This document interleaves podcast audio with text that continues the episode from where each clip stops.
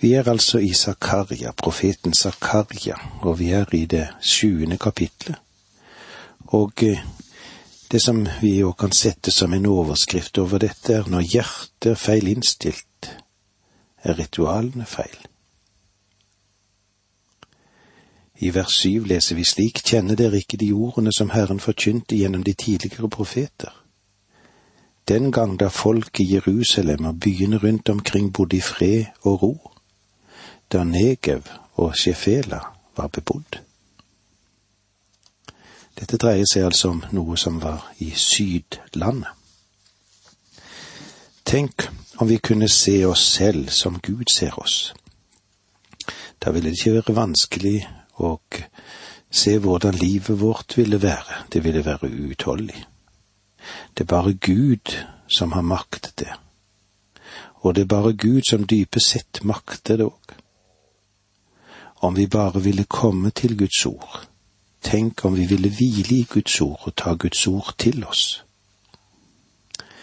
Gud kommer til å gå de inn på klingene her og føre alle disse budene rett inn i deres egne livsforhold. Og det trenger vi kanskje, vi òg. Nå ønsker jeg selvsagt ikke å tråkke deg på tærne, ikke meg heller men jeg forsøker å fortelle deg hva Guds ord sier. Det er ikke alle som liker å høre det Guds ord sier. Spesielt ikke når det blir praktisk og rett inn i livsvirkeligheten. Om vi som formidler Guds ord og andre som er ansatt og engasjert som ledere i menigheter og organisasjoner, ville lese pastoralbrevene nøye. Jeg tenker da på første og annet Timotius brev og på Titus sitt brev. For å se hva Gud krever for å være en leder i en menighet, og så følge etter det, så skulle vi sannelig fått en bot- og bededag med store dimensjoner. Det er ikke seg over at menighetene har de problemene som de har. Selv ledere kan jo fremdeles åndelig sett være på barnestadiet og klynker og klager fordi de ikke får oppmerksomhet nok, og tror at de blir åndeligere og visere fordi om de blir eldre etter hvert. Nei, ingen har det slik. Ingen blir automatisk åndelig selv om han blir gammel. Visdommen følger ved å ransake Guds ord og gi dette ordet rett og bøye seg inn for Guds vilje og følge ham. Dette gjelder både ung og gammel. Det er mange av oss som villig ville slå oss til ro med det gode i livet når Gud ønsker at vi skal ha det beste. Og om vi ville legge vårt liv helt og fullt i Guds ords skarpe lys. Vers åtte her i kapittel syv. Herrens ord kom til Zakaria, og det lød så. Zakaria driver ikke bare med å forkynne sine meninger.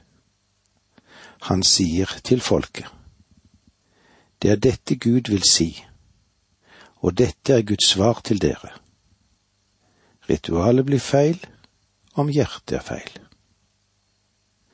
Og eh, nå vil Gud sette folket inn under sitt lys, lyskasteren. Versene ni og ti. Så sier Herren allers Gud, fell rettferdige dommer. Vis godhet og barmhjertighet, enhver mot sin bror. Dere skal ikke undertrykke enker og farløse, fremmede og nødlidende, og ingen av dere skal i sitt hjerte tenke ut ondt mot andre. Det ville hjelpe oss å ta et nærmere blikk på siste del av de ti bud. De fire første har å gjøre med menneskenes sitt forhold til Gud. Det neste budet er en bro og har å gjøre med forhold til foreldrene. Legg nå merke til det siste fem budene. Du skal ikke slå i hæl. Du skal ikke bryte ekteskapet. Du skal ikke stjele. Du skal ikke vitne falskt mot din neste. Du skal ikke begjære din nestes hus. Du skal ikke begjære din nestes hustru, hans tjener eller tjenestekvinne, hans okse eller esel eller noe annet som hører det neste til. Dette står i annen Mosebok i det tyvende kapitlet der, vers 13 til 17. Verken hans nye bil eller hans vakre hjem, du skal ikke begjære noe av alt dette. Legg nå merke til hvordan vi kan knytte disse budene direkte til våre liv. Så sier Herren, allers Gud, fell rettferdige dommer, bær ikke falsk vitnesbyrd. Vis godhet og barmhjertighet, enhver mot sin bror. Du skal ikke stjele, heller ikke lyve, heller ikke begjære. Dere skal ikke undertrykke enker og farløse, fremmede og nødlidende. Dette kommer til oss tett inn på livet. Og ingen av dere skal si i sitt hjerte eller tenke ut noe ondt mot andre i sitt hjerte. Den Herre Jesus førte alle disse budene opp på et høyere plan, selv om han bare siterte to bud som en illustrasjon. Men han sa at om du er vred på din bror, så er du skyldig i mord. Gud sier at selv om Israel tok ritualene alvorlig, så burde du ha møtt disse israelittene på søndag, på mandag, på tirsdag eller onsdag, torsdag og fredag. På fredagskvelden begynte de på de samme ritualene igjen, og de gråt og klaget og fastet og brakte frem sine offer. I Malakai sier Gud til dem, Dere sier at ofrene gjorde dere syke. Dere burde ha vært i min stilling. Dere gjorde meg kvalm. Vers 11 kapittel 7. Men de nektet å høre. De var stivnakket og gjorde sine ører døve, så de skulle slippe å høre. Folket ønsket å høre det Gud ville si de skulle høre. Og mange i dag er i den samme situasjon og stilling. De var stivnakket. Dette ordet stivnakket kan også oversettes med de tro til seg skulderen. Har du sett på barna hvordan de kan dra opp skulderen hvis du rører ved dem eller snakker til dem? Har sikkert lagt merke til det. Gud sier til Israel, Jeg rørte ved dem, og de dro skulderen til seg. Det er kanskje mange av oss som Gud rører ved òg i dag og sier, vent et øyeblikk. Ikke gjør det, ikke lev slik. De drar til seg skulderen, de stopper til i ørene, kan vi si. De ønsker ikke å høre det Gud har å si. Men de nektet å høre. De var stivnakket og gjorde sine ører døve så de skulle slippe å høre. Det var disse bortskjemte typene som kom ned fra Betel. De kom ned etter at de hadde holdt på med et ritual. Ja, faktisk så gjaldt det hele folket.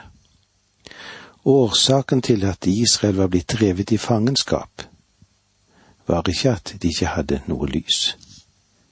Gud hadde lagt sin hånd på deres skulder. Profeten hadde talt til dem, men de gjorde sine ører døve, så de skulle slippe å høre. Med andre ord vendte de ryggen til Gud. De hadde brutt de bud som var gitt i forhold til Herren, og de sto skyldige for hans åsyn sannelig noe å tenke på.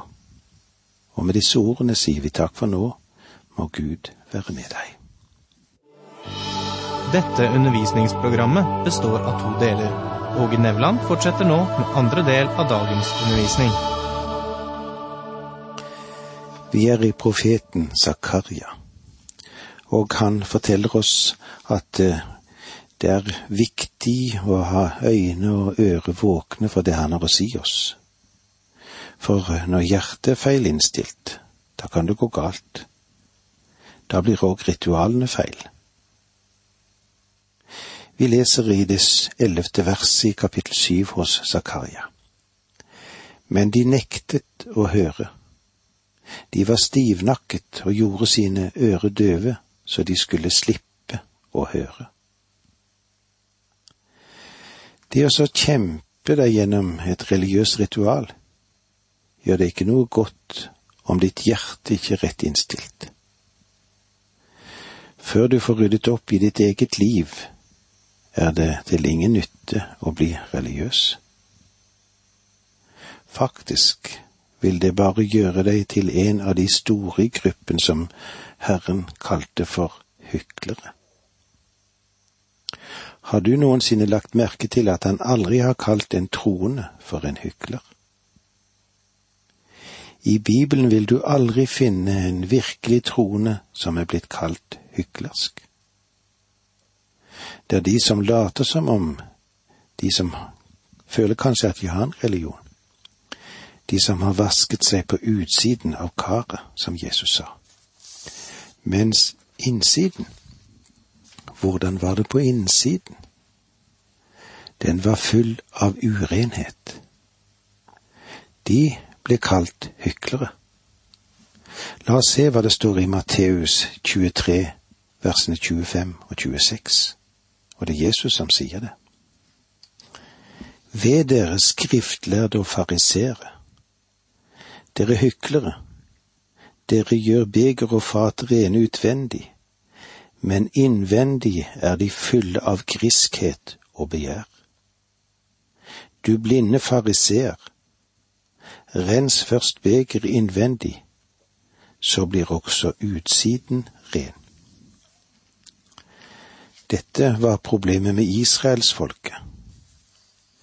Gud la ganske enkelt de ti bud som en mal over folket, og begynte de med budene, som de hadde et forhold til, og forholdet da medmenneskene imellom. Spørsmålet er hvordan fungerte de sine forretninger med sine medmennesker? Hvordan fungerte de de sosiale sammenhenger, tro? Og hvordan var det i hjemmene? Og når Gud la dette målet på dem, så avslørte han dem, og viste dem dermed årsaken til at han, Gud, ikke hadde hørt og besvart bønnene deres. Vers tolv Hjertet gjorde de hardt som flint så de lot være å høre på loven og de ordene som Herren, allers Gud, hadde sendt ved sin ånd gjennom de tidligere profeter. Da kom det stor vrede fra Herren, allers Gud. Da kom det stor vrede fra Herren, allers Gud. Ødeleggelse av Jerusalem gjennom Nebukaneser og det at folket ble ført som fanger til Babylon, ja, det var tragisk. Ja, det var rett og slett fryktelig. De var religiøse. De holdt fast på den ytre formen, men deres hjerte, det var langt borte fra Gud, og de vanæret ham. Vers 13 de ville ikke høre når han ropte. Derfor sa Herren allers Gud, Jeg vil ikke høre når de roper. Gud sier til sitt folk, Jeg ropte til dere, og jeg bønnfalt dere, men dere vil ikke høre på meg. Men når de nå da er kommet opp i vanskeligheter, så sa de, Vi vil ikke i fangenskap, vi vil komme tilbake til deg. Og Gud sier nå, Jeg hører dere ikke. Det er kanskje litt dristig av meg å si det, men kanskje det finnes en del bønn i dag også som Gud ikke hører.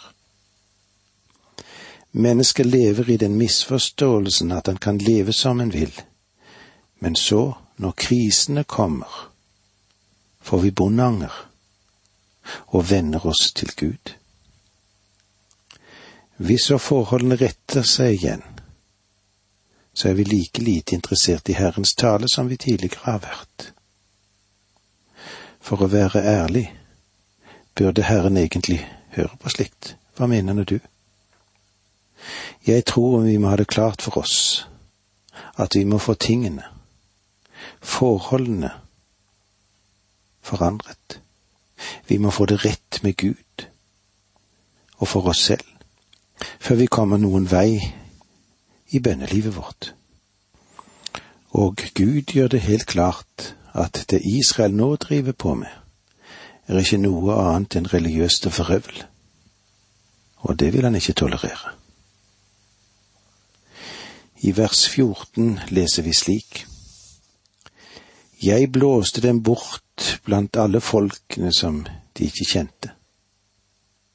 Landet lå øde etter dem og ingen dro fram og tilbake der.